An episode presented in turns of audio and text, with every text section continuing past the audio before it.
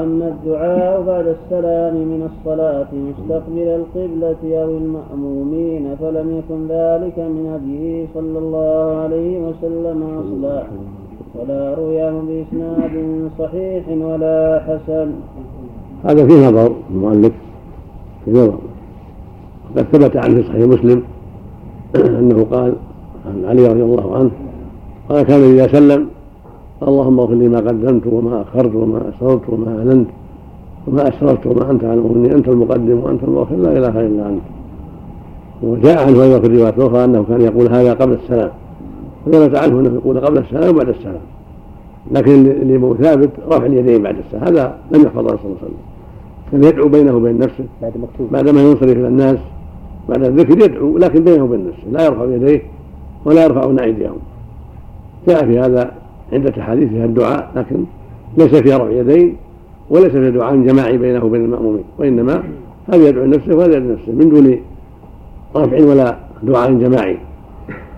ولكن أغلب الدعاء كان قبل السلام وهو أفضل في آخر الصلاة قبل أن يسلم. نعم. حفظك الله التعوذ أيضا ما من الدعاء؟ ده شوف ده كان يتعوذ بعد الصلاة من الجبن هذا في دبر آخر الصلاة قبل السلام. في دبر كل صلاه يقول سعد رضي الله عنه عن ابي وقاص رواه البخاري كان في بعد السلام. في دبرها. المعروف إنه في الاربع قبل المعروف في دبرها حتى هذا حتى حديث سعد هذا. نعم. لكن جاء في رواية من جمع بينهما. إن جاء رواية فيها التصريح يكون يدعو بها قبل وبعد. مثل ما في حديث اللهم اغفر لي ما قدمت. جاء عنه الدعاء بها قبل وبعد. نعم. ما حش عليه المشي؟ شعيب؟ وتعرض نعم. يا شيخ. الذي يقول لا يصح الدعاء بالامور الدنيويه هذا من كيسه يقول من كيسه. أقول ما لها أصل هذا. الحديث عامه لو قلت اللهم ارزقني رزقا حلالا أو زوجة صالحة أو ذرية صالحة أو مالا طيبا أو دارا مناسبة ما في بأس. نعم. الرسول صلى الله عليه وسلم قال اقرب ما يكون من ربي فاكثروا الدعاء. قال فاجتهدوا في الدعاء. وقال في آخر الصلاة ثم ليختر من المسألة ما شاء. هذا كلام النبي صلى الله عليه وسلم. ليس لنا أن نقيد بالآراء نعم. لكن الدعاء الماثور واللي يتعلق بالآخرة أعظم وأفضل وأهم. لو دعا بحاجته الدنيوية ما في بأس. نعم, نعم. وأما تخصيص ذلك بصلاتي الفجر والعصر فلم يفعل ذلك هو ولا أحد من خلفائه ولا أرشد إليه أمته.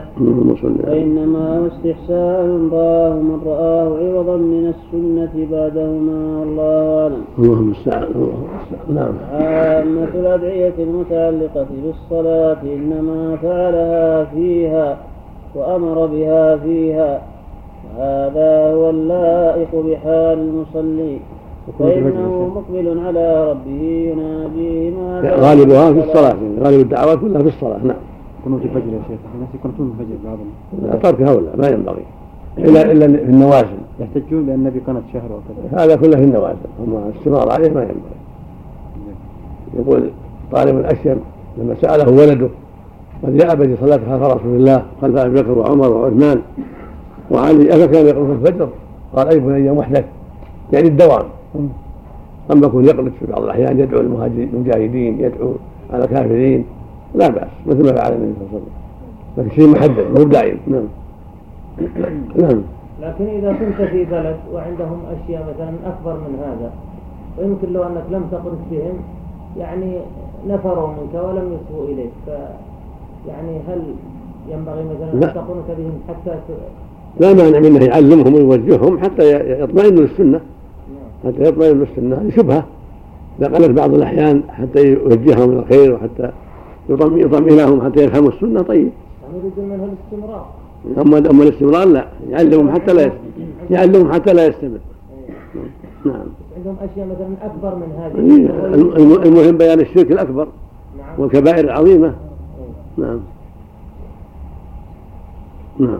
هذا هو اللائق بحال المصلي فإنه مقبل على ربه ينادي ما دام الصلاة. فإذا سلم منه انقطعت تلك المناجاة وزال ذلك الموقف بين يديه والقرب منه. فكيف يترك سؤاله في حال مناجاته والقرب منه والإقبال عليه؟ ثم يسأله إذا انصرف عنه. هذا توجيه. يكون الدعاء فيها أفضل وإلا فالدعاء مشروع دائما. وهذا من فضل الله سبحانه وتعالى لعلمه سبحانه بحاجة العباد وانهم مضطرون إليه في كل وقت. ولهذا شرع الدعاء دائما الصلاة وفي خارجها وفي الطريق وفي البيت في الطائرة في السيارة في القطار على البعير على الدابة الأخرى في كل وقت. الدعاء مطلوب دائما. نعم. ولا ريب أن عكس هذا الحال هو الأولى بالمصلي. إلا أنها هنا نكتة لطيفة وهو أن المصلي إذا فرغ من صلاته. وهي وهي. بدل وهو وهي. النكتة يعني. نعم. لا غلط وهي. نعم. إلا أنها هنا نكتة لطيفة وهي أن المصلي إذا فرغ من صلاته. وذكر الله وهلله وسبحه وحمده وكبره بالأذكار المشروعة عقيب الصلاة. استحب له أن يصلي على النبي صلى الله عليه وسلم بعد ذلك ويدعو بما شاء ويكون دعاءه عقيب هذه العبادة الثانية. لا لكونه دور الصلاة.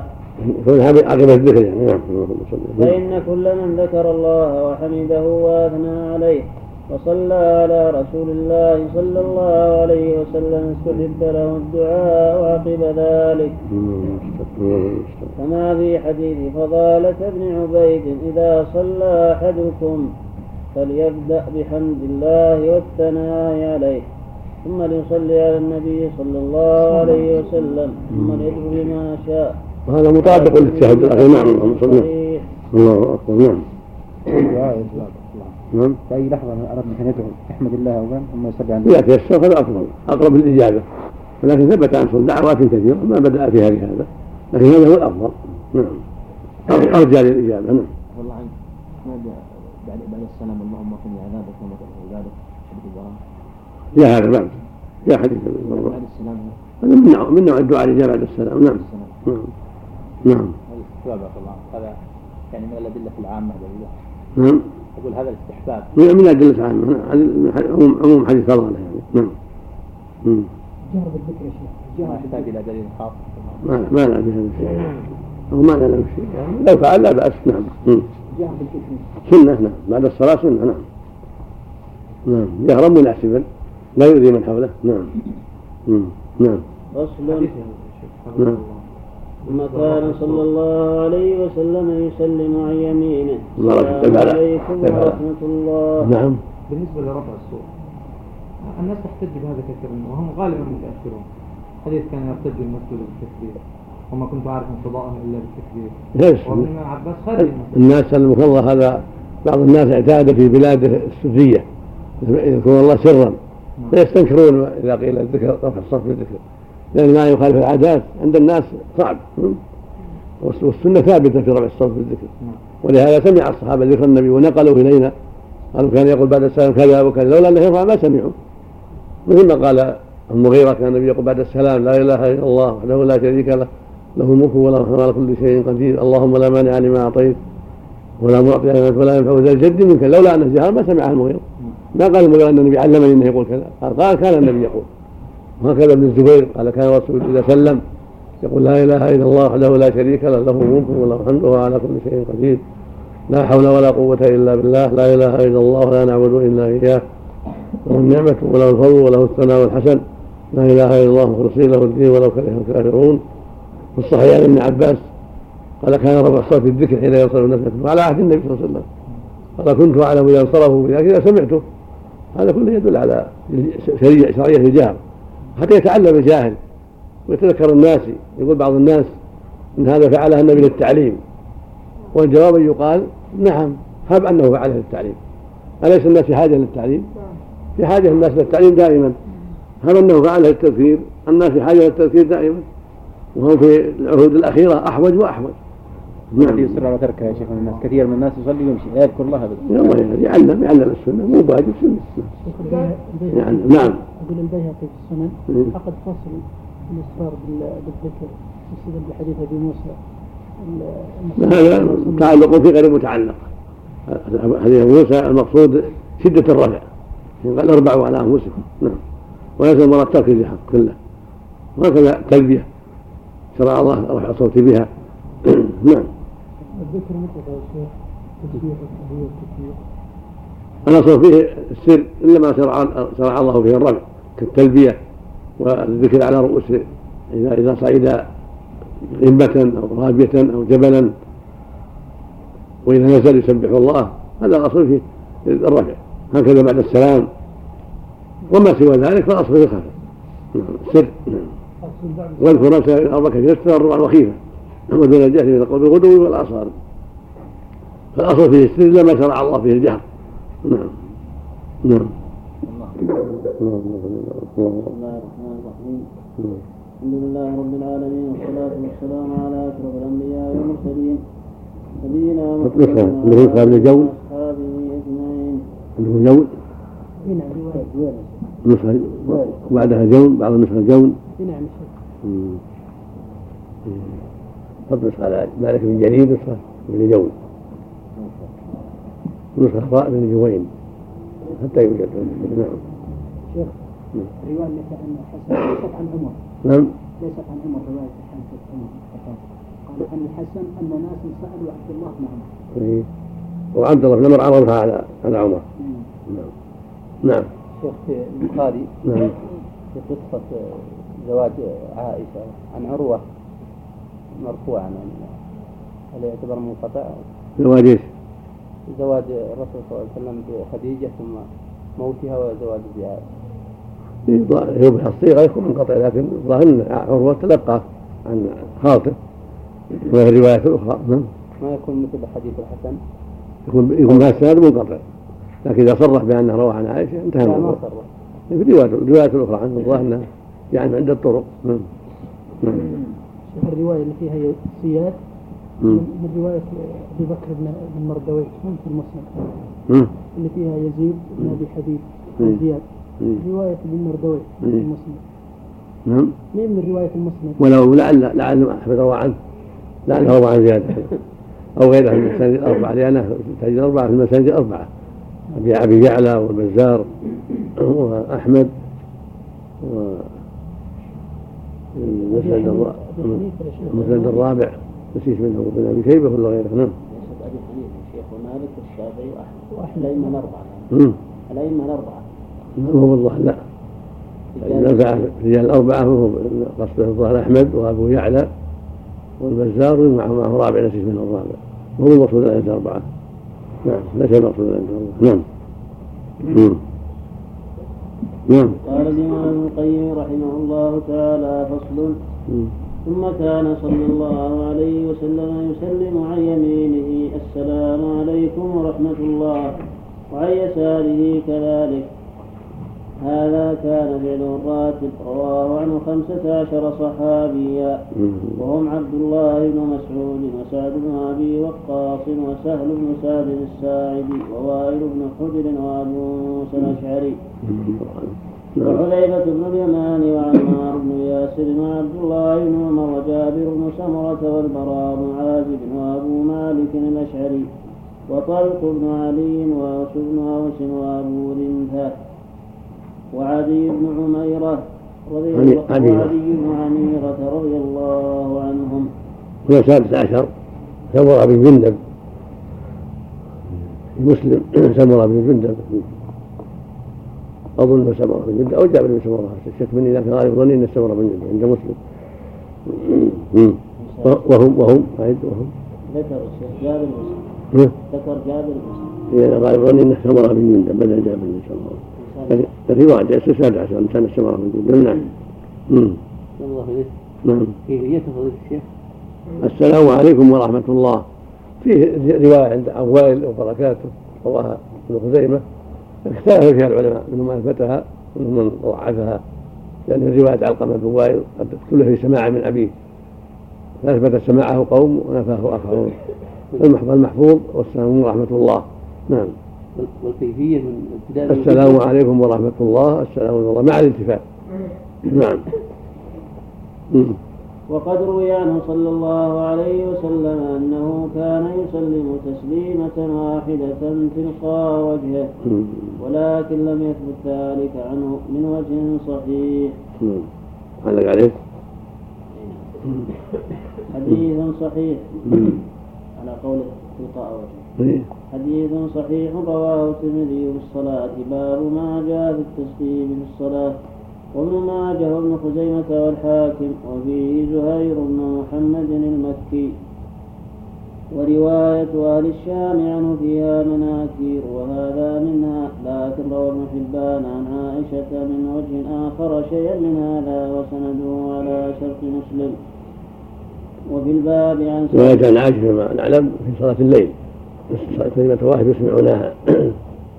صلاة الليل مسألة الفريضة. نعم. هذا إن صح نعم. وفي نعم الباب عن سعد بن سعد الساعدي وسلمة بن الأكوع عند ابن ماجه وعن أنس عند الطبراني في الكبير والأوسط قال الهيثمي في المجمع ورجاله رجال الصحيح. هذه مسألة جديرة بأن يجمع بها ما ورد فيها. هذه مسألة جديرة بأن يجمع ما ورد فيها. فلعل أحد منكم يجمع ذلك. نعم. ولعل جمعها غيركم ولعل جمعها بعض أهل العلم فإن قل مسألة تعدد فيها الروايات إلا ولف فيها أجزاء. نعم. نعم. وأجود ما فيه. وأجود ما فيه. انتهى نعم. وأجود ما فيه حديث عائشة رضي الله عنها. أنه صلى الله عليه وسلم كان يسلم تسليمة واحدة. السلام عليكم. يرفع بها صوته حتى يوقظنا. وهو حديث معلول. يعني في صلاة الليل. نعم. نعم. نعم. نعم رواه أحمد في المسند وأبو داود. في الصلاة باب في صلاة الليل من حديث بهز بن حكيم عن زرارة بن أوفى. عن عائشة ورواه ابن حبان عن زرارة بن أوفى عن سعد عن سعد بن هشام. عن عائشة وهو المحفوظ وإسناده صحيح على شرط مسلم كما مر. نعم. وهو حديث معلول وهو في السنن لكنه كان في قيام الليل. والذين رووا عنه التسليمتين رووا ما شاهدوا في الفرض والنفل نعم. على أن حديث عائشة ليس صريحا في الاقتصار على التسليمة الواحدة. بل أخبرت أنه كان يسلم تسليمة واحدة يوقظهم بها ولم تنف الأخرى بل سكتت عنها وليس سكوتها عنها مقدما على رواية من حفظها وضبطها وهم أكثر عددا وأحاديثهم صح وكثير من أحاديثهم صحيح والباقي حسان.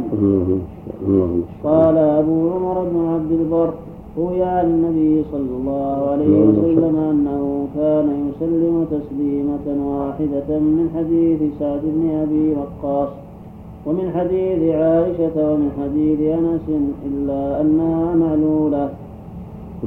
ولا يصححها أهل العلم بالحديث ثم ذكر علة حديث سعد أن النبي صلى الله عليه وسلم كان يسلم الصلاة تسليمة واحدة. قال وهذا وهم وغلط وإنما الحديث كان رسول الله صلى الله عليه وسلم يسلم عن يمينه وعن يساره ثم ساق الحديث من طريق ابن المبارك عن مصعب بن ثابت عن إسماعيل بن محمد بن سعد عن عامر بن سعد عن أبيه قال رأيت رسول الله صلى الله عليه وسلم يسلم عن يمينه وعن شماله.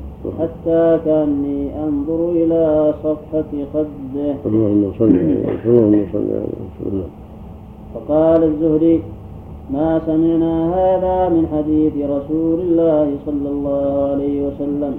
فقال له إسماعيل بن محمد أكل حديث رسول الله صلى الله عليه وسلم قد سمعته؟ قال لا. قال فنصفه؟ قال لا. قال فاجعل هذا من النصف الذي لم تسمع. نعم. حجه إسماعيل. أقول حجه إسماعيل لا شك نعم. عدم العلم ليس بعلم نعم نعم. وكم حديث غاب عن كبار اللهم المستعان نعم. اللهم قال وأما حديث عائشة رضي الله عنها عن النبي صلى الله عليه وسلم كان يسلم تسليمة واحدة فلم يرفعه أحد إلا زهير بن محمد. وحده عن هشام بن عروة عن أبيه عن عائشة رضي الله عنها. رواه عنه عمرو بن أبي سلمة وغيره. وزهير بن محمد ضعيف عند الجميع كثير الخطأ لا يحتج به. وذكر ليحيى بن معين هذا الحديث. فقال حديث عمرو بن أبي سلمة وزهير ضعيفان لا حجة فيهما. الحاشية. بل لحديث عائشة المتقدم من طريق زهير بن محمد شواهد يقوى بها كما تقدم. وقد قال الحاكم في المستدرك عقب حديث عائشة في المرفوع. وقد رواه وهيب بن خالد عن عبد الله بن عمر عن القاسم عن عائشة رضي الله عنها أنها كانت تسلم تسليمة واحدة وهذا سند صحيح. قال الحافظ في التلخيص. ورواه بقي بن مخلد في مسنده من رواية عاصم عن هشام بن عروة به مرفوعا. وعاصم عندي هو ابن عمر وهو ضعيف ووهم من زعم أنه ابن سليمان الأحول والله أعلم. قال وروى ابن حبان في صحيحه. وأبو العباس السراج في مسنده عن عائشة من وجه آخر شيئا من هذا أخرجاه من طريق زرارة بن أوفى عن سعد بن هشام عن عائشة رضي الله عنها أن النبي صلى الله عليه وسلم كان إذا أوتر بتسع ركعات لم يقعد إلا في الثامنة فيحمد الله ويذكره ثم يدعو ثم ينهض ولا يسلم ثم يصلي التاسعة فيجلس ويذكر الله ويدعو ثم يسلم تسليمه ثم يصلي ركعتين وهو جالس الحديث وإسناده على شرط مسلم. قال الشوكاني في نيل الأوطار وذهب إلى مشروعية التسليمة الواحدة. ابن عمر وأنس وسلمة بن الأكوع وعائشة من الصحابة والحسن بن سيرين وعمر بن عبد العزيز من التابعين. ومالك والأوزاعي والإمامية واحد قولي الشافعي وغيرهم. واختلف القائلون بمشروعية التسليمتين هل الثانية واجبة أم لا؟ فذهب الجمهور إلى استحبابها. خلاص خلاص الحاشية خلاص الحاشية في الحاشية بقي سطرين نعم. وذهب الجمهور. فذهب الجمهور إلى استحبابها. وقال النووي في شرح مسلم أجمع العلماء الذين يعتد بهم على أنه لا يجب إلا تسليمة واحدة.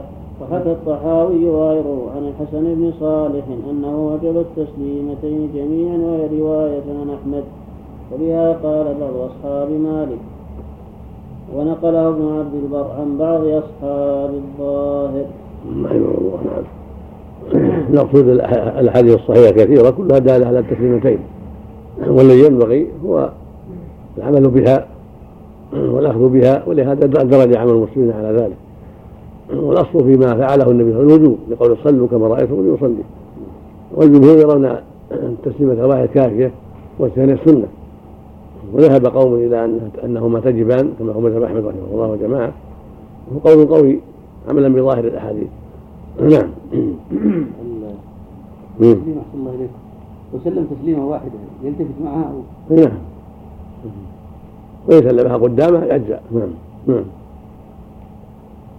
قال وأما حديث أنس نعم. فلم يأته إلا من طريق أيوب السختياني عن أنس ولم يسمع أيوب من أنس عنده شيئا. نعم. قال وقد روي مرسلا عن الحسن أن النبي صلى الله عليه وسلم وأبا بكر وعمر رضي الله عنهما كانوا يسلمون تسليمة واحدة. وليس مع القائلين بالتسليمة غير عمل أهل المدينة. قالوا وهو عمل قد توارثوا كابرا عن كابر ومثله يصح الاحتجاج به. لأنه لا يخفى لوقوعه في كل يوم مرارا. وهذه طريقة قد خالفهم فيها سائر الفقهاء والصواب معهم. والصواب أن عمل أهل المدينة ليس بحجة وهكذا غيرهم من الامصار وإنما الحجة في قال الله وقال رسوله. نعم. نعم. والسنن الثابتة. نعم. حتى في قبل الإمام نعم نعم. عملهم ليس بحجة. ولو في الصد الأول حتى ينقلوا عن النبي صلى الله عليه وسلم. لأن الأمير الإمام اللي يسلم أو الأمير اللي يسلم هو معصوم قد يخطئ قد يغلط نعم. نعم.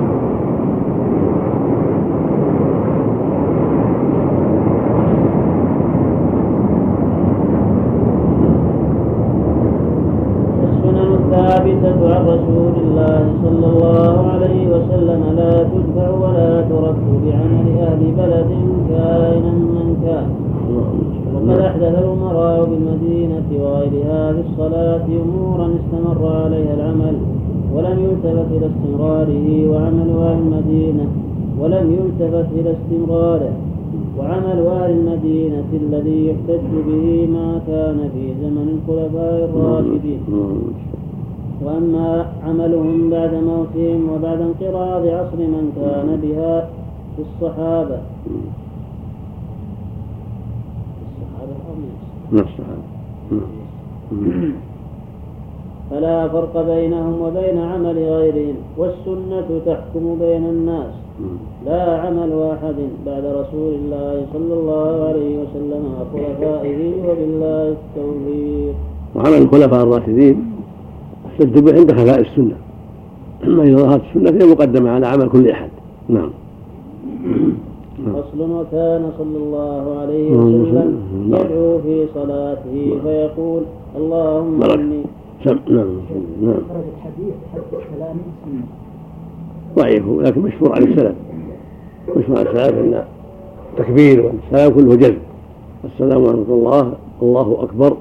ما يقول الله أكبر ولا السلام عليكم ورحمة الله الافضل الجزم. هذا معروف عن السلف ليس المقصود به المد يعني الحذف يعني عدم الحركة. نعم. نعم.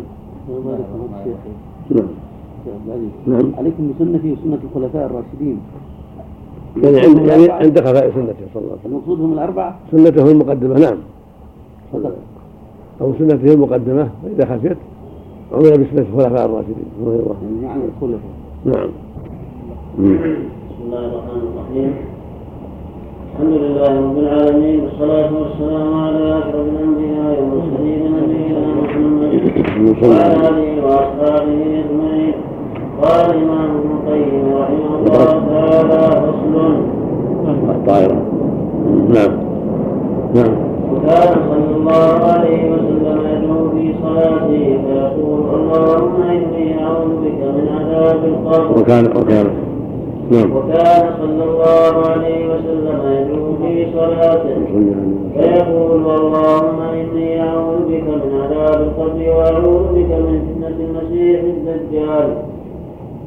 وأعوذ بك من فتنة المحيا والممات. اللهم إني أعوذ بك من المأثم والمرم وكان يقول في صلاته أيضا اللهم اغفر لي ذنبي ووسع لي في داري وبارك لي فيما رزقتني.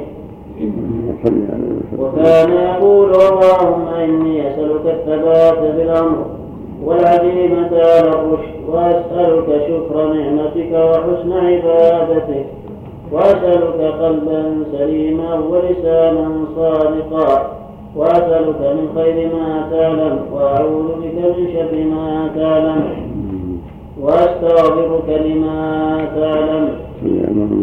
وكان يقول في سجوده على هذا شيء؟ الأخير إيه. رواه الترمذي في الدعوات باب سؤال الثبات في الامر من حديث ابي العلاء بن الشخير عن رجل من بني حنظلة شداد بن اوس رواه النسائي في السهو باب باب نوع اخر من الدعاء واحمد في المسند باسقاط الواسطه بين ابن الشخير وشداد بن اوس ففي الأول مجهول وفي الثاني انقطاع فهو ضعيف وروى أحمد في المسند من حديث رافع بن عبادة حدثنا الأوزاعي عن حسان بن عطية قال كان شداد بن اوس في سفر فنزل منزلا فقال لغلام ائتنا بالشفرة نعبد بها فأنكرت عليه الشفرة ولا السفرة؟ الشفرة الشين نعبد بها. شفرة نعم. وفي الرواية الأخرى السفرة الشين والفاء وش بعده؟ من من عداله من عداله وقال من؟ أحمد. حدثنا. وروى أحمد بن مسند من حديث روح بن عبادة حدثنا الأوزاعي عن حسان بن عطية قال كان شداد بن أوس في سفر فنزل منزلا فقال لغلام ائتنا بالشورة حط عليه حط على الشفرة إشارة. فأنكرت عليه فقال ما تكلمت بكلمة منذ أسلمت إلا وأنا أختمها وأزمها إلا كلمتي هذه فلا تحفظوها علي. واحفظوا مني ما أقول لكم. سمعت رسول الله صلى الله عليه وسلم يقول إذا كنز الناس الذهب والفضة فاكنزوا هؤلاء الكلمات.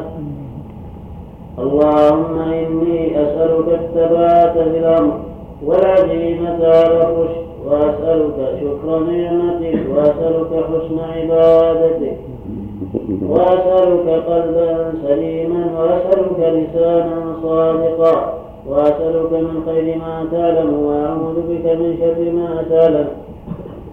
وأستغفرك لما تعلم إنك أنت علام الغيوب ورجاله ثقات السند قال الإمام روى الإمام أحمد بن مسند من حديث روح بن عبادة حدثنا الأوزاعي عن حسان بن عطية.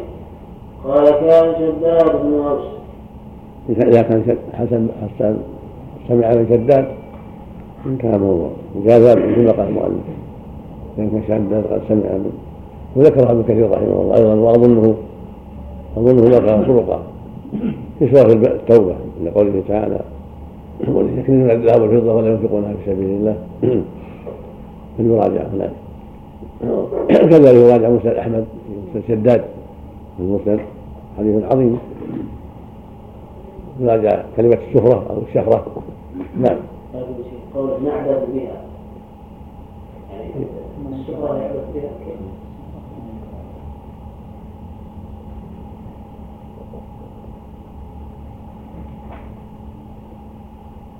قد يكون السفرة يعني ما يوضع عليه الطعام يكون فيه شيء من الطعام لحمهم محتمل السفرة الشفرة بعد العبث بالشفرة صعب سكين العبث بها ومن أنكر عليه نعم فأنكر عليه إيه. السفرة ما الله أعلم نعم. نعم. نعم. فصل. نعم. ما تكلم هكذا قال يعني؟ فصل. نعم. نعم. ثلاثة ثلاثة أسطر اي كلام المحسن نعم. وكان يقول مم. إيه. وكان يقول في سجودي مم. رب أعط نفسي تقواها وزكها أنت خير من زكاها أنت وليها ومولاها مم. قد تقدم ذكر بعض ما كان يقول في ركوعي وسجودي وجلوسي واعتدالي في الركوع اللهم صل عليه اللهم صل عليه فصل والمحفوظ في أدعيته صلى الله عليه وسلم بالصلاة كلها. وعلى سبب اللهم صل عليه نعم. اللهم صل اللهم صل عليه سنة اللهم صل. نعم. مم. مم. الحمد لله رب العالمين والصلاة والسلام على أشرف الأنبياء والمرسلين نبينا محمد. وعلى آله وأصحابه أجمعين. قال الإمام ابن القيم رحمه الله تعالى فصل والمحفوظ في أدعيته صلى الله عليه وسلم الصلاة كلها بلفظ الإفراد. كقوله رب اغفر لي وارحمني واهدني. وسائر الأدعية المحفوظة عنه اللهم صل عليه ومنها قوله في دعاء الاستفتاح اللهم اغسلني من خطاياي بالثلج والماء والبرد. اللهم باعد بيني وبين خطاياي كما باعدت بين المشرق والمغرب الحديث. وروى الإمام أحمد رحمه الله وأهل السنن من حديث ثوبان رضي الله عنه. عن النبي صلى الله عليه وسلم لا يؤم عبد قوما فيخص نفسه بدعوة دونهم فإن فعل فقد خانهم. قال ابن خزيمة في صحيحه وقد ذكر حديث اللهم باعد بيني وبين خطاياي الحديث. قال في هذا دليل على رد الحديث الموضوع. لا يوم عبد قوما فيخص نفسه بدعوة دونهم فإن فعل فقد خانهم. وسمعت شيخ الإسلام ابن تيمية يقول هذا الحديث عندي في الدعاء الذي يدعو به الإمام لنفسه وللمأمومين ويشتركون فيه كدعاء القنوت ونحوه والله أعلم. وهذا يتعين إن صح الخبر.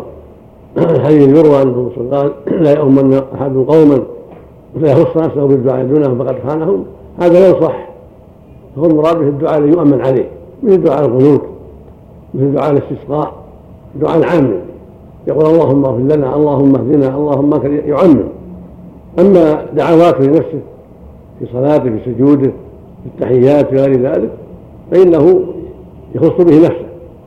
مثل ما قال النبي صلى الله عليه وسلم في الاستفتاح اللهم باعد بيني وبين خطاياي. كما باعدت بين المشرق والمغرب اللهم نقني من خطاياي. ما قال نقنا بعد بل الافرد مثل قول صلى الله عليه وسلم اللهم في السجود اللهم اغفر لي ذنبي كله دقه وجله وأوله وآخره وعاده وسره. مثل قول اللهم إني أعوذ برضاك من سخطك وبعفوك من عقوبتك وبك منك لا أحصي ثناء عليك أنت كما أثنيت على نفسك. مثل قول اللهم اغفر لي خطيئتي وجهلي وإسرافي إلى اخره المقصود أن الدعوات التي بين الإنسان وبين ربه لا مانع من أن يخص بها نفسه يفرد. لا يلزمه أن يعمم. ولكن متى دعا دعاء عاما كدعاء القنوت في رمضان بالناس أو دعاء الاستسقاء بالناس أو دعاء يقول يقصد به المجموعه الحاضرة فيقول اللهم اغفر لنا جميعا اللهم ارحمنا اللهم اهدنا بصيغه العموم. نعم. نعم. علق عليها هذه ثوبان. رواه الإمام أحمد والترمذي بالصلاة باب ما جاء في كراهية أن يخص الإمام نفسه بالدعاء. وأبو داود في الطهارة. باب أيصلي الرجل وهو حاقد. من حديث إسماعيل بن عياش.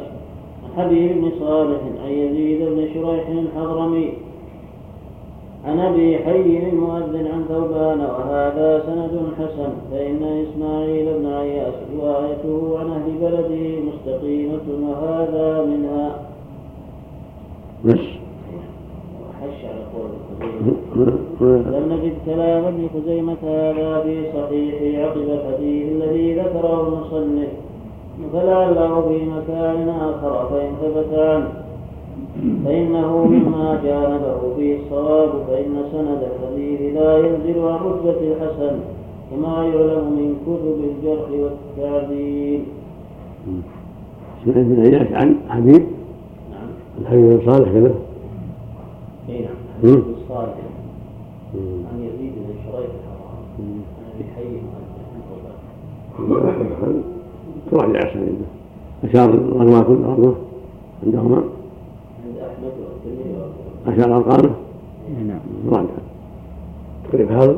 نعم. شوف حبيب بن صالح حبيب حبيب بن صالح هذا. نعم. فصل. وكان صلى الله عليه وسلم إذا قام في الصلاة طأطى رأسه. طأطى رأسه ذكره الإمام أحمد رحمه الله.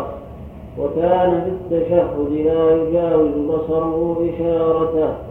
وقد تقدم اللهم صل على وكان قد جعل الله تعالى قرة عينه ونعيمه. وقد جاء في في تفسير قوله تعالى قد أفلح المؤمنون الذين هم صلاتهم خاشعون. حديث مرسل أنهم كانوا يرفعون أبصارهم فلما نزلت طرحوا أبصارهم إلى مواضع السجود. وهذا من مقتضى الخشوع. لأن الخشوع يقتضي طرح البصر إلى موضع السجود حتى لا تشوش القلب. ها هنا وها هنا وها هنا. قال هالشيء عليهم. إشارة يعني إصبع السبابة إذا كان جالس التشهد يكون نظره إليها لا إلى شيء بعيد لأنه أجمع للقلب. نعم نعم ما عليه شيء. نعم. نعم. حبيب حبيبي. حبيب بن صالح أو ابن أبي موسى الطائي. أبو موسى الحمصي ثقة من السابعة. مات سنة سبع وأربعين أبو داود والترمذي وابن ماجه. يزيد بن يزيد بن شريح. هذا هو.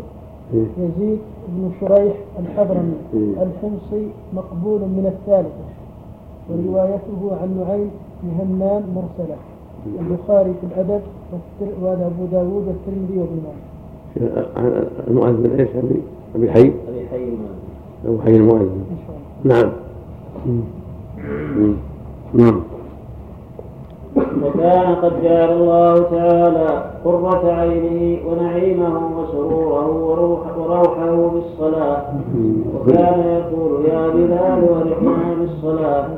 وكان يقول وجعلت قرة اللهم صل ومع هذا لم يكن يشغله ما هو فيه من ذلك عن مراعاة أحوال المأمومين وغيرهم. هذه ثابتة يا فضيلة الشيخ. نعم. أرحنا بالصلاة يا بلال. كلاهما.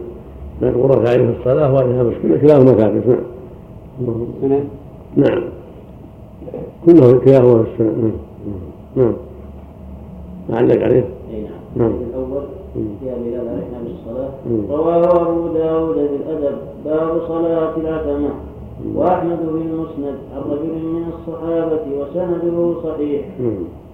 حديث وجعلت قرة عيني بالصلاة رواه النسائي في عشرة النساء. باب حب النساء وأحمد في المسند من حديث أنس وسنده حسن.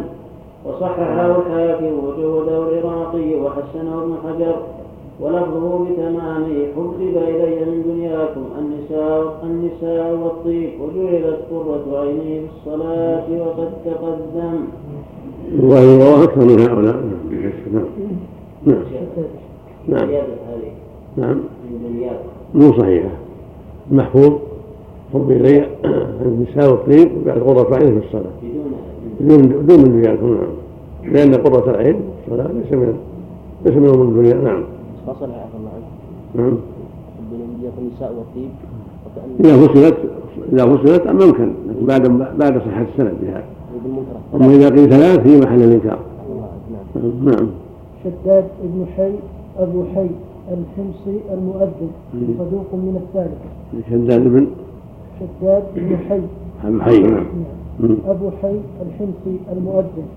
صدوق من الثالثة البخاري في الأدب وأبو داود والترمذي وابن ماجه. إن كان من دار على يزيد بن الصحيح فهو يعني لين المقبول إنما يكون حسنا إذا توبع مم.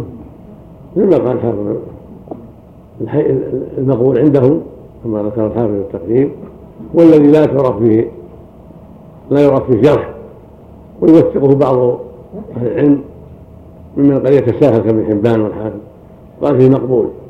آه. نعم. إن توبع. مم. ومع هذا نعم. صار نعم حسنا لغيره نعم. نعم.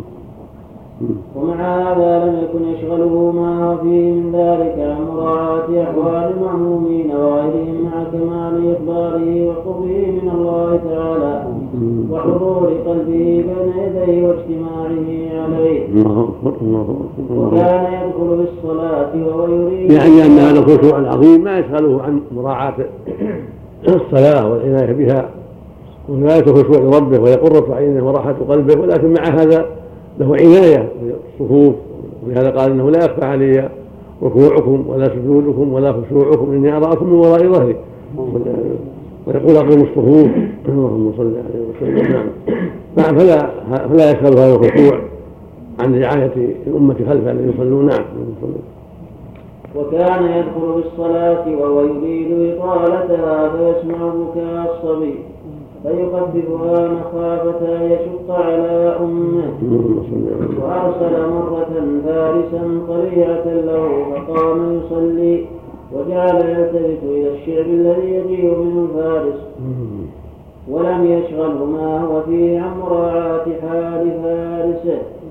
وكذلك كان يصلي الفرض وهو حامل الأمامة بنت أبي العاصم الربيع. ابنة بنته زينب على عاتقه إذا قام حملها وإذا ركع وسجد وضعها وكان يصلي فيجيء الحسن أو الحسين فيركب ظهره فيطيل السجدة كراهية أن يلقيه عن ظهره. وكان يصلي يصلي فتجيء عائشة رضي الله عنها من حاجتها والباب مغلق. فيمشي فيفتح لها الباب ثم يرجع إلى الصلاة. وكان يرد السلام بالإشارة على من يسلم عليه وهو في الصلاة. وقال جابر رضي الله عنه علق على شيء نعم نعم نعم. عائشة علق نعم. السلام علق على حديث عائشة. نعم. الأخير عند حديث عائشة. فتح الباب لعائشة. إيه، حديث عائشة. رواه الترمذي بالصلاة مم. باب ذكر ما يجوز من المشي والعمل في صلاة التطوع. وأبو داود بالصلاة باب العمل بالصلاة النسائي بالسهو باب المشي أمام القبلة خطى يسيرة. وأحمد بن المسند وسنده قوي وحسنه الترمذي. وكان يصلي فيبيع الحسن أو الحسين فيركب ظهره فيطيل السجدة كراهية أن يلقيه عن ظهره. وكان يصلي فتجيء عائشة رضي الله عنها من حاجتها والباب مغلق فيمشي فيفتح لها الباب ثم يرجع إلى الصلاة. وكان يرد السلام بالإشارة على من يسلم عليه وهو في الصلاة. وقال جابر رضي الله عنه علق على شيء نعم نعم. نعم عائشة علق نعم. السلام علق على حديث عائشة؟ نعم. الأخير. عند حديث عائشة. فتح الباب لعائشة إيه، حديث عائشة. رواه الترمذي بالصلاة مم. باب ذكر ما يجوز من المشي والعمل في صلاة التطوع. وأبو داود للصلاة باب العمل بالصلاة النسائي بالسهو باب المشي أمام القبلة خطى يسيرة. وأحمد بن مسند وسنده قوي وحسنه الترمذي. يعني كم كان مالك وهذا ما ذكر ابن ماجه. نعم. كان عندكم نفس نعم. نعم. كان الباب في الأمام يا شيخ نعم. كان الباب أمام إذا كان أمامه يمشي قليلا حتى يقابله. نعم. إذا كان خلفه يتأخر يتأخر. نعم رد السلام بالإشارة ثابت نعم. وقال جابر رضي الله عنه. بعثني رسول الله صلى الله عليه وسلم لحاجة ثم أدركته وهو يصلي فسلمت عليه. فأشار إلي ذكره مسلم في صحيحه. وقال أنس رضي الله عنه كان النبي صلى الله عليه وسلم يشير بالصلاة ذكره الإمام أحمد رحمه الله وقال سهيل رضي الله عنه هذا ذكره الإمام أحمد شيء. رواه الإمام أحمد في المسند وسنده صحيح بس. نعم. وقال سهيب رضي الله عنه مررت برسول الله صلى الله عليه وسلم وهو يصلي فسلمت عليه. صهيب كذا. صهيب صهيب نعم طيب نعم. وقال صهيب مررت برسول الله صلى الله عليه وسلم وهو يصلي فسلمت عليه. فرد إشارة قال الراوي لا أعلمه قال إلا إشارة بأصبعه. وهو في السنن والمسند. الشيء رواه الترمذي بالصلاة باب ما جاء بالإشارة بالصلاة وأبو داود بالصلاة باب رد السلام بالصلاة والنسائي بالسهو باب رد السلام بالإشارة بالصلاة وسنده حسن. ورواه الإمام أحمد في المسند وابن ماجه. في الإقامة باب المصلي يسلم عليه كيف يرد. من طريق آخر وسنده صحيح وصححه ابن خزيمة. من هذا الباب حديث عمر لما زار النبي قباء صلى في قباء. سلم عليه وصار وهو يصلي فأشار اليه بيده هكذا نعم. نعم. قال عبد الله بن عمر رضي الله عنهما خرج رسول الله صلى الله عليه وسلم إلى قباء يصلي فيه. نعم. قال فجاءت الأنصار فسلموا عليه وهو في الصلاة. فقلت لبلال كيف رأيت رسول الله صلى الله عليه وسلم يرد عليهم حين كانوا يسلمون عليه وهو يصلي. قال يقول هكذا وبسط جعفر بن عون كفه وجعل بطنه أسفل وجعل ظهره إلى فوق. هكذا. كالمصافح يرفعها هكذا. هذا في الفرض والنفل أحسن نعم. وروى السنن والمسند وصححه الترمذي ولفظه كان يشير بيده. اللهم صل على وقال عبد الله بن مسعود رضي الله عنه لما قدمت من الحبشة أتيت النبي صلى الله عليه وسلم وهو يصلي فسلمت عليه فأومى برأسه ذكره البيهقي الشيء نعم. رواه البيهقي في الصلاة باب من أشار بالرأس. وقال تبرد به أبو يعلى محمد بن الصلت التوزي وفي التقريب صدوق يهم توزي محمد بن صلى توزي. مم. توز جزاك الله عنك وفي التقريب إيش؟ تقريب صدوق يهم إيه. ضبطه. محمد بن محمد بن الصلت كيف محمد بن صلى في التقريب. نعم. المعروف الأشهر والاغلب الاشاره باليد بهذا الاشاره بالرأس. نعم. نعم. نعم. محمد بن الصلت البصري مم. أبو يعلى التوزي بفتح المثنى وتشديد الواو بعدها زاد. صدوق يهي من العاشرة. مات سنة 28 في البخاري والنسائي. نعم. المقصود الأكثر الإشارة باليد هو افضل نعم. وابيض نعم. وأما حديث أبي غطفان عن أبي هريرة رضي الله عنه قال قال رسول الله صلى الله عليه وسلم من أشار في صلاته إشارة تفهم عنه فليعد صلاته فحديث باطل ذكره الدار قطني. وقال قال لنا أبي داود أبو غطفان هذا رجل مجهول. والصحيح عن النبي صلى الله عليه وسلم أنه كان يشير في صلاته. رواه أنس وجابر وغيرهما. وكان صلى الله عليه وسلم جابر. رواه الدارقطني وأبو داود والبيهقي بالسنن الكبرى للصلاه وفيه عن انس بن إسحاق. والذي بعده. أبو غطفان إيه. أبو غطفان ثقة كما في التقريب وأصله وقد انفرد ابن أبي داود فادعى جهالته على أن ابن أبي داود كثير كثير الخطأ في الكلام على الحديث كما قال الدار قطني حين سئل عنه نعم. وكان صلى الله عليه وسلم يصلي وعائشة معترضة بينه وبين القبلة فإذا سجد غمزها بيده وقبضت رجليها وإذا قام بسطتهما. وكان صلى الله عليه وسلم يصلي. جاءه الشيطان ليقطع عليه صلاته. فأخذه فخنقه حتى سال لعابه على صل وكان يصلي على المنبر ويركع عليه. فإذا جاءت السجدة نزل القهقرى فسجد على الأرض ثم صعد عليه. كل هذا للتعليم.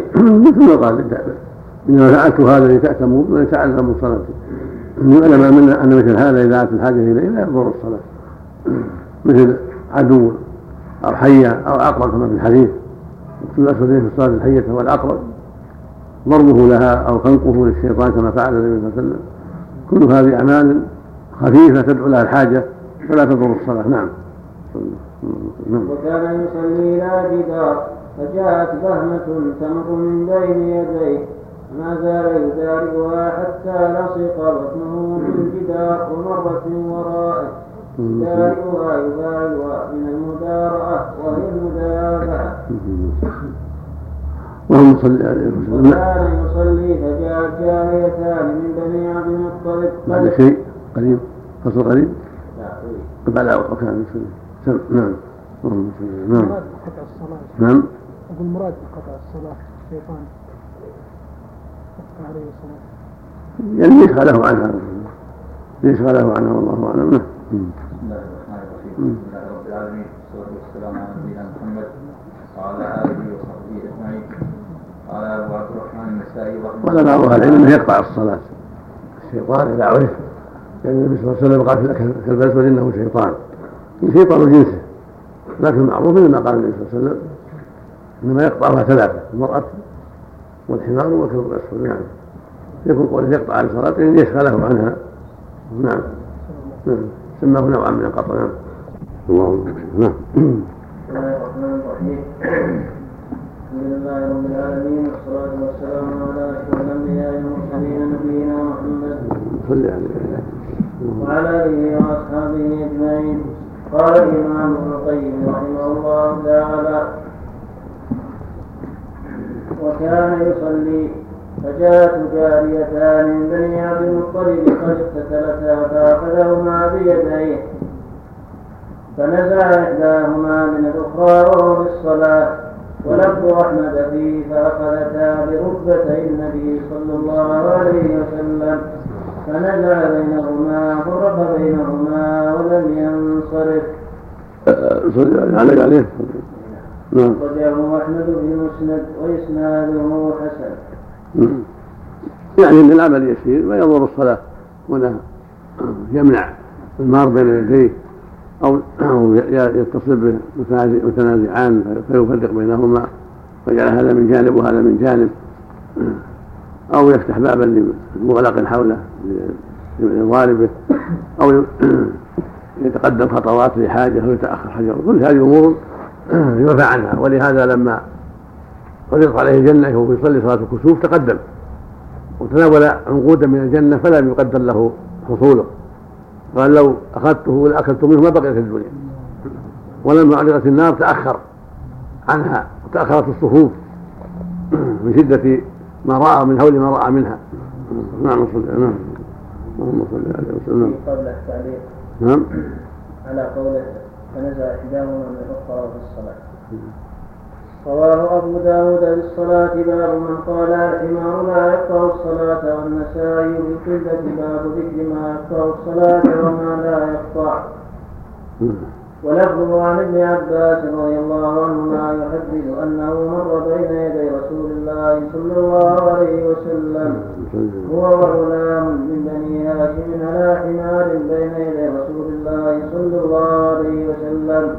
فنزلوا ودخلوا معه فصلى ولم ينصرف. هذا المحفوظ انه كان أمام الصفوف؟ لا أمام النبي صلى الله عليه وسلم. نعم. فجاءت جاريتان تسعيان من بني عبد المطلب فأخذتا بركبتيه ففرع, ففرع بينهما ففرع ففرع بينهما ولم ينصرف وفي رواية لأبي داود فجاءت جاريتان من, بني من عبد المطلب اقتتلتا فأخذهما وسنده حسن كل هذا لا يعارض. صلاة المرأة والحمار والكلب الأسود لأمرين أحدهما أن كونهما سكت ركبتيه لا يكون مرورا والثاني لو قدر أنه مرور فقد جاء في حديث ابن عباس المرأة الحائض من البالغ كبيرة. نعم. وهما جاريتان ظاهرهما أنهما صغيرتان. ظاهر الحديث أنهما صغيرتان نعم. وذكر الحمار حمار بين يدي بعض الصف كما في الرواية. الصريحة نعم. وكان يصلي فمر بين يديه غلام فقال بيده هكذا فرجع ومرت بين يديه جارية فقال بيده هكذا فمرت. فلما صلى رسول الله صلى الله عليه وسلم قال هن صل. ذكره الإمام أحمد وهو في السنن. شيء رواه ابن ماجه في الإقامة. باب ما يقطع الصلاة وأحمد بالمسند من حديث أم سلمة. في سنده مجهول. نعم. والجواب عنه مثل ما تقدم. لو صح. لأنها جارية صغيرة. وقولهن أغلب يعني النساء أغلب بأسهن شديد. فالغلام لما أشار إليه رجع. والجارية أشار إليها ولكن لم ترجع بل مرت مرت. وهذا مثل ما قال النبي صلى الله عليه وسلم أغلب. ولأنهن أيضا كما هو معلوم في الغالب أجهل الأحكام. وال- وال- والذكور أفضل بالأحكام و- وأعلم بالأحكام غالبا. نعم. وكان ينفخ في صلاته ذكره الإمام أحمد في السنن.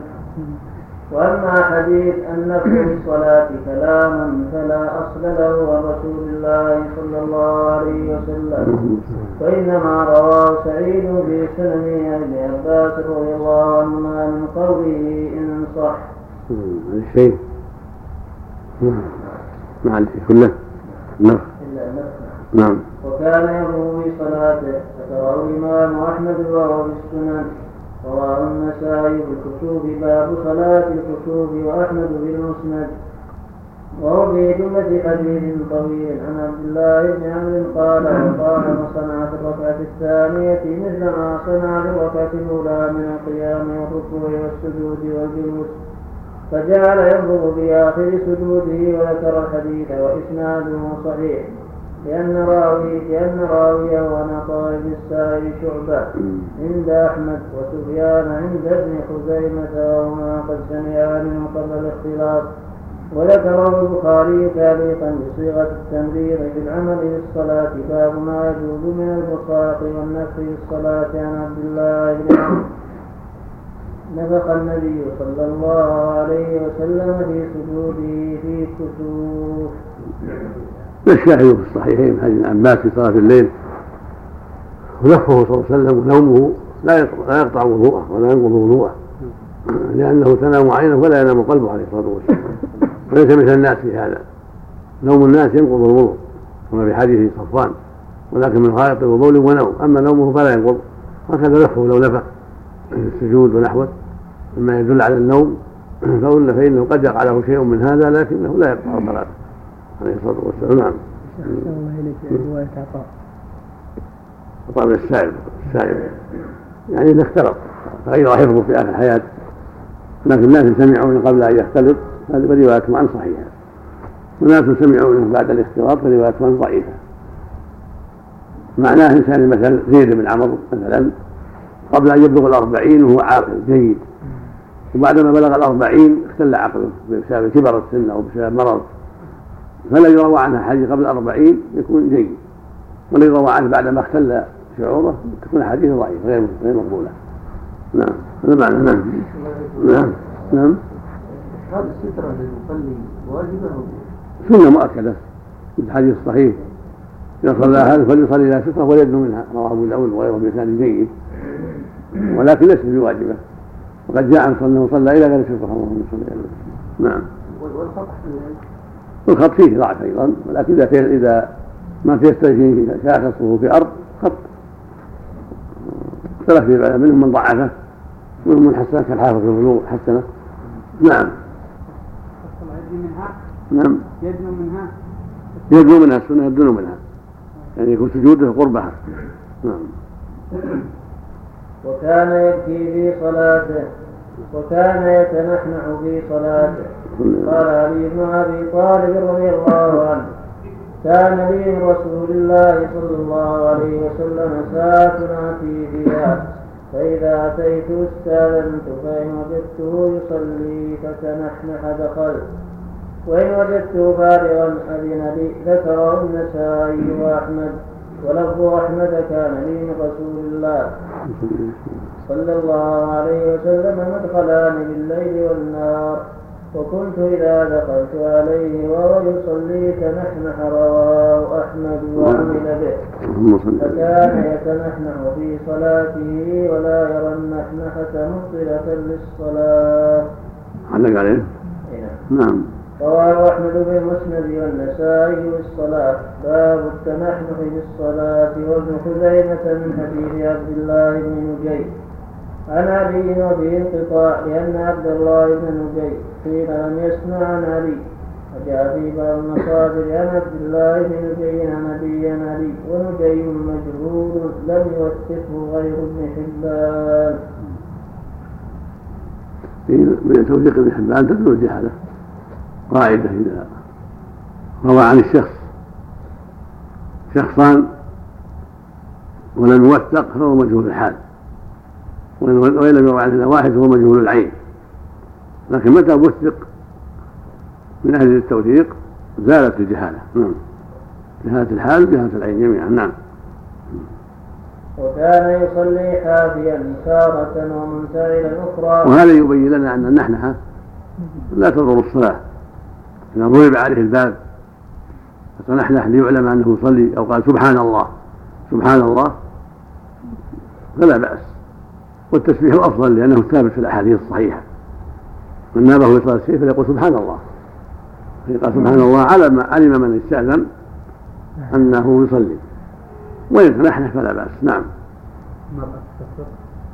والمرأة تصفق نعم. نعم. إذا كان عبث ما يصح. أما إذا كان لحاجة شيء عرضه في حلقه فلا بأس. نعم. أما التنحنح مثل ما يفعل بعض الناس كل ساعة يتنحنح هذا عبث ما ينبغي. هذا نعم. إذا كثر على القاعدة يبطل الصلاة إذا كثر وتوالى يعني. إذا كثر وتوالى نعم. نعم. نعم ولو في الفاتحة.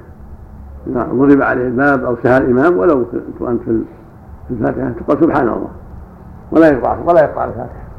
نعم. الله إليكم بالنسبة للنساء لو أخطأت الإمام في الصلاة مثلا كيف المرأة؟ تضرب يد مع اليد نعم حتى لتنبيه الإمام. لتنبيه الإمام نعم. قال النبي يسبح الرجال وتصفق النساء نعم. نعم. نعم. شيخ في بعض الناس إذا أتوا الإمام راكع تنحنح. يعني هل في ذلك شيء؟ ما أدري يعني عليه ينتبه له يعني على لا يعجل. نعم. هذا مقصوده نعم. ما عليه في شيء نعم. نعم بعضهم يتلو بعض الآيات. يصبروا ما صبروا الله أعلم. مكروه مشروع لكن لا, نعلم يعني ما هو مشروع لكن ما نعلم في لا مو مشروع ما ورد في شيء يعني. دلالة شرعيه نعم. والسنة الإمام لا يعجل إذا سمع حركة. لا يعجل. نعم نعم. وكان يصلي حافيا تارة ومنتهيا أخرى كذلك قال عبد الله بن عمرو عنه وأمر بالصلاة. وهذا رواه عبد الله بن سعد جيد. أنه صلى حافيا ومنتعلا صلى الله عليه وسلم. كذلك مشى حافيا ومنتعلا عليه الصلاة والسلام. لا لبس النعال معلوم فضله وانه يقي الرجل وهو أفضل. لكن إذا ترك الانتعال بعض الأحيان حتى تعتاد الرجل القوة والصلابة يكون أحسن. حتى لا تع... لا تصاب بالرقة والضعف. فلا المشي نعم. رواه أبو داود بالصلاة باب الصلاة بالنعل وابن ماجه باب الصلاة بالنعال وأحمد في المسند. رواه أبو داود. بالصلاة نعم. باب الصلاة بالنعل نعم. وابن ماجه باب الصلاة بالنعال وأحمد في المسند وسنده حسن. نعم. ورواه النسائي من حديث عائشة رضي الله عنها في السهو باب الانصراف من الصلاة وإسناده حسن. كذلك حديث ابي سعيد عند أحمد وأبي داود لما نبه جبرائيل خلع عليه وصلى وصلى حافيا عليه الصلاة والسلام. وثبت عنه أنه صلى عند البيت في بعض اطرفته وجعل نعله عن يساره عليه الصلاة والسلام. صلى صلى حافيا جعل عليه عن يساره عليه الصلاة والسلام. نعم. الله إليك يا شيخ إذا كان ما هو واثق كان فيها أذى ولا شيء؟ ينظر ينظرها رشة فول عند دخول المسجد ينظرها حتى لا لو كانت رشة فول الاصل الطهارة إذا علم يغسل فعلوها سرت البول فعلوها يغسله. وإن كان في المعطات يحك بالتراب ويكفي نعم. نعم. وأمر بالصلاة بالنار مخالفة لليهود. وكان يصلي في الثوب الواحد تارة وفي الثوبين تارة إيش مرات قال عندكم صلى الله الصلاة النعلي كافر اليهود نعم. رواه أبو داود بالصلاة باب الصلاة بالنعل. وسنده قوي وصححه الحاكم ووافقه الذهبي ورواه البيهقي نعم. نعم. نعم. وقنت في الفجر بعد الركوع شهرا ثم ترك القنوت ولم يكن من هذه القنوت فيها دائما. ومن المحال أن رسول الله صلى الله عليه وسلم كان في كل غداة بعد اعتداله من الركوع يقول اللهم اهدني فيمن هديت وتولني فيمن توليت إلى آخره. ويرفع بذلك صوته ويؤمن عليه أصحابه دائما إذا فارق الدنيا. ثم لا يكون ذلك معلوما عند الأمة بل يغيره أكثر أمته وجمهور أصحابه بل كلهم بل إيه؟ ثم لا يكون ذلك معلوما عند الأمة بل يضيعه أكثر أمتي وجمهور أصحابه بل كلهم. حتى يقول من يقول منهم إنه محدث كما قال سعد بن طارق الأشجعي.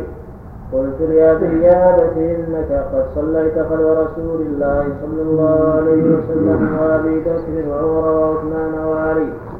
رضي الله عنهما هنا وبالكوفة منذ خمس سنين فكانوا يقنتون في الفجر.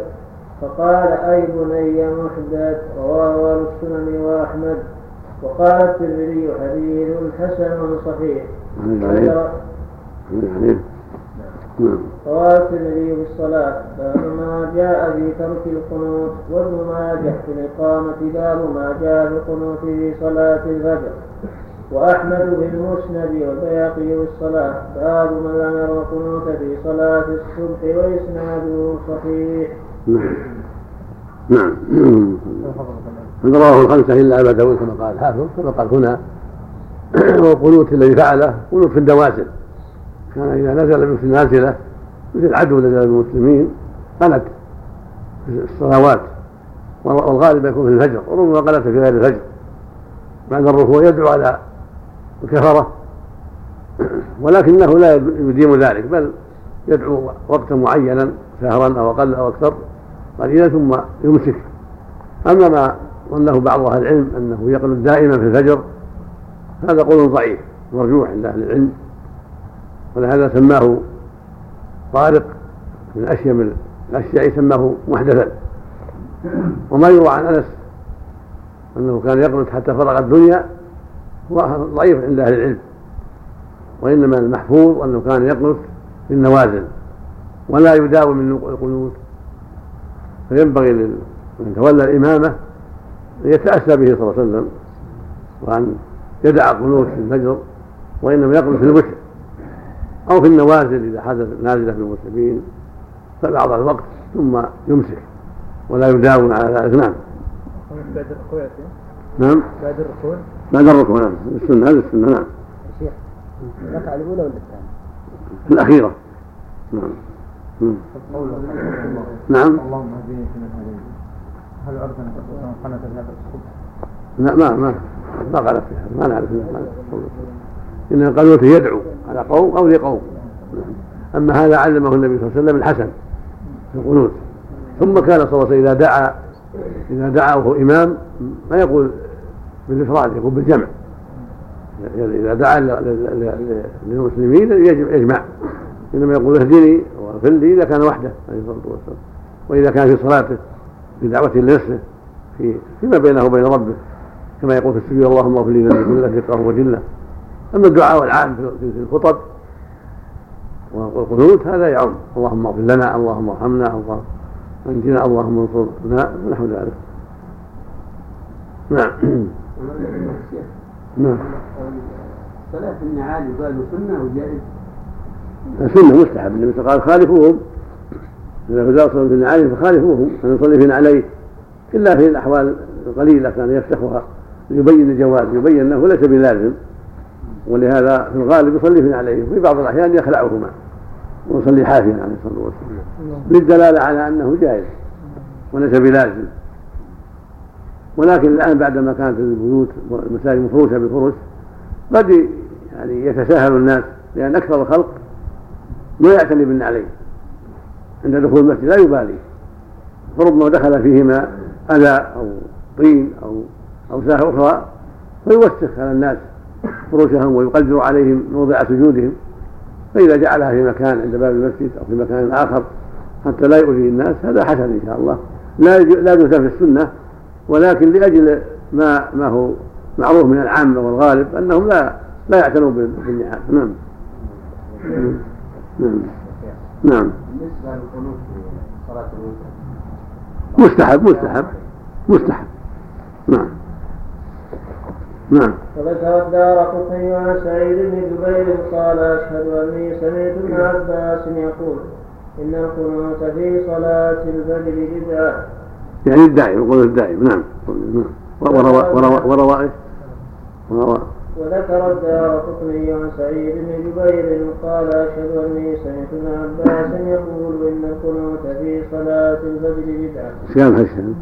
رواه الدار قطني في سننه في الوتر باب صفة القنوت ومواضعه. وفي سنده عبد الله بن ميسرة وهو ضعيف نعم. وذكر الباقي عن ابي مجلد قال صليت مع ابن عمر صلاة الصبح فلم يقنت فقلت له لا راك تقنت فقال لا أحفظه عن أحد من أصحابنا. ومن المعلوم هذا شيء؟ نعم. نعم. رواه البيهقي في السنن الكبرى بالصلاة باب من لم ير القنوت في صلاة الصبح وإسناده حسن. نعم. ومن المعلوم بالضرورة أن رسول الله صلى الله عليه وسلم لو كان يقنط كل غداة ويدعو بهذا الدعاء ويؤمن الصحابة لكان نقل الأمة لذلك كلهم كنقلهم لجهده بالقراءة فيها وعددها وقتها. وإن جاز عليهم تضييع أمر القنوت منها جاز عليهم تضييع ذلك ولا فرق. وبهذا الطريق علمنا أنه لم يكن هدي الجار بالبسملة كل يوم وليلة خمس مرات دائما مستمرا. ثم يضيع أكثر الأمة ذلك ويخفى عليها. وهذا من أمثل المحال. بل لو كان ذلك واقعا لكان نقله كنقل عدد الصلوات وعدد الركعات والجهد والإخفاء وعدد السجدات. ومواضع الأركان وترتيبها والله موفق والإنصاف الذي يرتضيه العالم المنصف أنه صلى الله عليه وسلم جهر وأسر وقنت وترك وكان إصراره أكثر من جهره يعني يعني في يعني في البسملة نعم. نعم. إنما جهر بعضها للتعليم ولهذا الناس أنها تقرأ كما فعلها أبو هريرة نعم. نعم وتركه القنوت أكثر من فعله. فإنه إنما قنت عند النوازل للدعاء لقوم وللدعاء على آخرين ثم تركه لما قدم من دعا لهم وتخلصوا من الأسر وأسلم من دعا عليهم وجاءوا تائبين فكان قنوته لعارض فلما زال ترك القنوت ولم يختص بالفجر بل كان يقنط في صلاة الفجر والمغرب ذكره البخاري في صحيحه عن أنس. وقد ذكره مسلم عن البراء.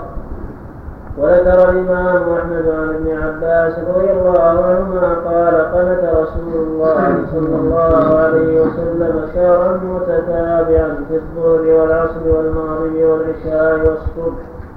في دبر كل صلاة إذا قال سمع الله لمن حمده من الركعة الأخيرة. يدعو على حي من بني سليم على رعل وذكوان وعصية ويؤمن من خلفه فرواه أبو داود. إيه.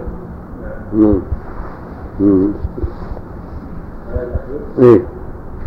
نعم ابن عباس نعم.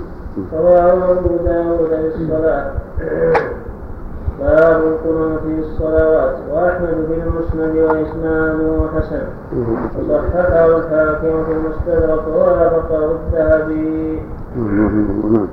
وكان هديه صلى الله عليه وسلم القنوت في النوازل خاصة وتركه عند عدمها ولم يكن يخصه بالفجر.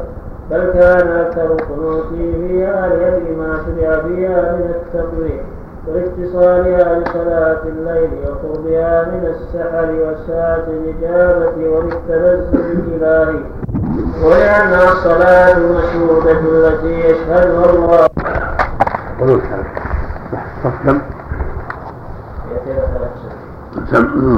شيخ بارك الله فيك. يعني بعض ال- العلماء يقولون آخر وقت العشاء نصف الليل الأوسط ويستدلون بحديث المواقيت. وبعضهم يقول ما بعد نصف الليل يكون وقت ضرورة يعني لا قضاء. فإذا كان الراجح هذا ما هو الدليل عليه إذا كان راجح الرأي الأخير؟ أما النصف فلحديث عبد الله بن عمرو معروف رواه مسلم. إي نعم هذا هو. وأما باقي الليل فلأنه وقت الظهر مثل ما بعد الصلاه والشمس في العصر. نعم. في حديث ليس في النوم التفريط إنما التفريط يؤخر الصلاة إلى ان يدخل وقت الصلاة التي بعدها. هذا يبدأ أن يمتد الوقت يمتد إلى ما بعدها. نعم. ما عدا الفجر فإنها ليس بعدها شيء يمتد وقتها إلى طلوع الشمس. أما غيرها فيمتد وقتها إلى وقت أخرى. نعم. الرحمن الرحيم الحمد لله رب العالمين والصلاة والسلام على أشرف شوف شعبان بن التوأم شعبان شعبان بن التوأم لا حتى موجود محمد بن عبد الرحمن بن مولى آل طلحة. محمد. بن عبد الرحمن مولى آل طلحة. نعم. صلى الله على نبينا محمد وعلى اللهم صل وسلم قال الإمام ابن القيم رحمه الله تعالى وكان هديه صلى الله عليه وسلم القنوت بالنوازل خاصة وترك وتركه عند عدمها ولم يكن يخصه بالفجر بل كان أكثر قنوته فيها لأجل ما شرع فيها من التطويل والاتصالها بصلاة الليل وقربها من السحر وساعة الإجابة وللتنزل الإلهي ولأنها الصلاة المشهودة التي يشهدها الله وملائكته أو ملائكة الليل والنهار كما روي هذا وهذا في تفسير قوله تعالى إن قرآن الفجر كان مشهودا. وأما حديث ابن أبي بديك عن عبد الله بن سعيد ابن أبي سعيد المقبري عن أبي هريرة رضي الله عنه. قال كان رسول الله صلى الله عليه وسلم إذا رفع رأسه من الركوع صلاة الصبح الركعة الثانية. يرفع يديه يدعو يرفع يديه فيها فيدعو بهذا الدعاء. اللهم اهدني فيمن هديت وعافني فيمن عافيت وتولني فيمن توليت. وبارك لي فيما أعطيت وقني شر ما قضيت إنك تقضي ولا يقضى عليك. إنه لا يذل من واليت. تبارك ربنا وتعاليت. فما أبين الاحتجاج به لو كان صحيحا. فما أبين الاحتجاج به لو كان صحيحا أو حسنا. ولكن لا يحتج بعبد الله هذا. وإن كان الحاكم صحح حديثه بالقنوت عن أحمد بن عبد الله المزني. حدثنا يوسف بن موسى حدثنا أحمد بن صالح حدثنا ابن أبي فديك فذكره. نعم صح عن أبي هريرة رضي الله عنه أنه قال والله لا نقربكم صلاة برسول الله صلى الله عليه وسلم. فكان أبو هريرة يقنط في الركعة الأخيرة من صلاة الصبح بعدما يقول سمع الله لمن حمده فيدعو بالمؤمنين ويلعن الكفار. ولا ريب أن رسول الله صلى الله عليه وسلم كان ذلك ثم تركه.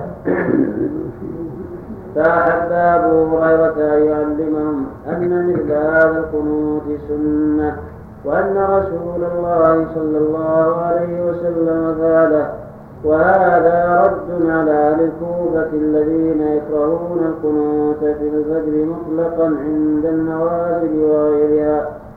عندك على شيء؟ عندك أنت على شيء؟ على على قوله عند النوازل وغيرها فيه نظر وقد قال العلامة الحلبي في شرح الكبير وهو من الحنفية فتكون شرعية وشرعية القنوت في النوازل مستمرة وهو محل قنوت من قنت من الصحابة بعد النبي صلى الله عليه وسلم وهو مذهبنا الحنفية وعليه الجمهور. وقال الإمام أبو جعفر الطحاوي إنما لا يقنط عندنا في صلاة الفجر من غير بلية. فإذا وقعت فتنة أو بلية فلا بأس به فعله رسول الله صلى الله عليه وسلم. وقال الحافظ ابن حجر الدراية ويؤخذ من أخباره أنه صلى الله عليه وسلم كان لا يقنط إلا بالنوازل وقد جاء ذلك صريحا فعند ابن حبان عن أبي هريرة رضي الله عنه. كان رسول الله صلى الله عليه وسلم لا يقنط في صلاة الصبح إلا أن يدعو لقوم أو على قوم. وعند ابن خزيمة عن أنس مثله وإسناده وإسناد كل منهما صحيح. هذا واضح وأمر القنوت النوازل لا ينبغي يكون فيه خلاف لأنه واضح من الأدلة وكون المؤلف حزاه للكوفة قد يكون بعض أهل الكوفة غلط في هذا والمؤلف لم يقف على القول الثاني. يحتمل أنه خبر به عن ظن وعن مؤلف من كتبهم.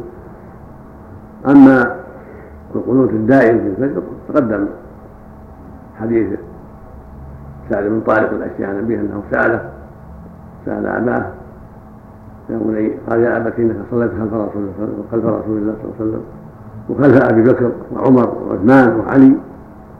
أما كان يقول في الفجر قال أي بني محدث يعني فعل النوافل نعم. نعم. وجدت آل طلحة مولى آل طلحة. نعم.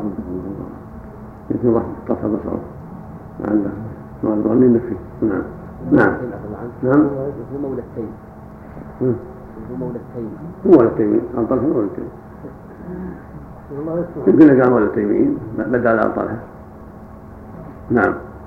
بعض الناس المقلدين إذا صلى وراء من لم يغلط يتأخر ويغلط في نفسه ويترك الإمام يسجد. لا ما ينبغي هذا. انما جعل له يتم فلا تختلفوا عليه. اذا إذا صلى خلف لا يقنط يفعل مثله. يسجد معه ويترك القنوت. يعني القنوت لا أصل في الدوام إنما هو في النوازل. نعم. وإذا قنت الامام ما كان يستمر عليه. نعم. وإذا قنت الامام إذا قنت معه فلا بأس لأن له شبهة. نعم. مذهب الشافعي وجماعه نعم. وهذا رد على الكوفة الذين يكرهون قنوت الفجر مطلقا عند النوازل وغيرها ويقولون هو منسوخ وفعله بدعة. فأهل الحديث متوسطون بين هؤلاء وبين من استحبه عند النوازل وغيرها وهم أسعد بحديث من الطائفتين. فإنهم يقنطون حيث قنت رسول الله صلى الله عليه وسلم ويتركونه حيث تركه ويقتدون به في فعله وتركه ويقولون فعله سنة وتركه سنة. ومع هذا فلا ينكرون على من داوم عليه ولا يكرهون ولا يكرهون فعله ولا يرونه بدعة ولا فاعله مخالفا للسنة. كما لا ينكرون على من انكره عند النوازل ولا يرون تركه بدعة ولا تاركه مخالفا للسنة. بل من قد بل من قنت فقد أحسن ومن تركه فقد أحسن. هذا فيه نظر على الإطلاق لكن المقصود عدم التشديد في هذا الشيء. عدم التشديد نعم. نعم. نعم. محمد بن عبد الرحمن بن عبيد القرشي مولى أبي طلحة. مولى؟ أبي طلحة. نعم. كوفي ثقة من السادس البخاري في الأدب ومسلم الأربعة. طيب بارك الله نعم. نعم. وركن الاعتدال محل الدعاء والثناء. وقد جمعه النبي صلى الله عليه وسلم فيه. ودعاء القنوت دعاء وثناء فهو أولى بهذا المحل. وإذا جار به الإمام أحيانا ليعلم المأمومين فلا بأس بذلك. فقد جار عمر بالاستفتاح ليعلم المأمومين. وجار ابن عباس رضي الله عنهما بقراءة الفاتحة في صلاة الجنازة ليعلمهم أنها سنة ومن هذا جهر الإمام بالتامين وهذا من الاختلاف المباح الذي لا يعنف فيه من فعله ولا من تركه. وهذا ترك اليدين في الصلاة وتركه وكالخلاف في أنواع التشهدات وأنواع الأذان والإقامة. وأنواع النسك من الإفراد والقران والتمتع وليس مقصودنا إلا ذكر به صلى الله عليه وسلم الذي كان يفعله هو فإنه قبلة القصد وإليه التوجه في هذا الكتاب. وعليه مدار التفتيش والطلب. وهذا شيء والجاهل الذي لا ينكر فعله وتركه شيء. فنحن لم نتعرض لهذا الكتاب لما يجوز ولما لا يجوز وإنما مقصودنا فيه هدي النبي صلى الله عليه وسلم الذي كان يختاره لنفسه. فإنه أكمل الهدي وأفضله. فإذا قلنا لم يكن من هدي مداومة على القنوت بالفجر ولا الجهر بالبسملة. لم يدل ذلك على كراهية غيره ولا أنه بدعة. ولكن هديه صلى الله عليه وسلم أكمل الهدي وأفضله والله المستعان. وأما حديث أبي جعفر الرازي عن الربيع بن أنس عن أنس رضي الله عنه قال ما زال رسول الله صلى الله عليه وسلم يقنط في الفجر حتى غاوق الدنيا. وهو في المسند والترمذي وغيرهما. فابو جابر. قد ضعفه أحمد وغيره. وقال ابن المديني كان يخلق. وقال أبو زرعه كان يهم كثيرا وقال ابن حبان كان ينفرد بالمناكير عن المشاهير. وقال لي شيخنا ابن تيمية قدس الله روحه. وهذا الإسناد نفسه هو إسناد حديث. وإذا أخذ ربك من بني آدم من ظهورهم حديث حديث أبي بن كعب الطويل. وفيه وكان روح عيسى عليه السلام من تلك الأرواح التي أخذ عليها والميثاق في زمن آدم. فأرسل تلك إلى مريم عليها السلام حين انتبذت من أهلها مكانا شرقيا. فأرسله الله في صورة بشر فتمثل لها بشرا سويا. قال فحملت قال فحملت الذي فحمل قال فحملت الذي يخاطبها. فدخلت من فيها. وهذا غلط محض. فإن الذي أرسل أرسل إليها الملك الذي قال لها فإن, فإن الذي أرسل إليها الملك الذي قال لها إنما أنا رسول ربك لأهب لك غلاما زكيا ولم يكن الذي خاطبها بهذا هو عيسى بن مريم هذا محال. والمقصود أن أبا جعفر الرازي صاحب مناكير. لا يحتج بما تورد به لا يحتج بما تورد به أحد من الحديث البتة. ولو صح يكون الوهم وهم في قوله يقول حتى فرغ الدنيا؟ لعل عنده رواية القنوت في النوازل لكن وهم في هذه الزيادة لي لما لديه من المناكير وضعف الحفظ نعم. نعم. على قول المسند والترمذي. نعم. لم الترمذي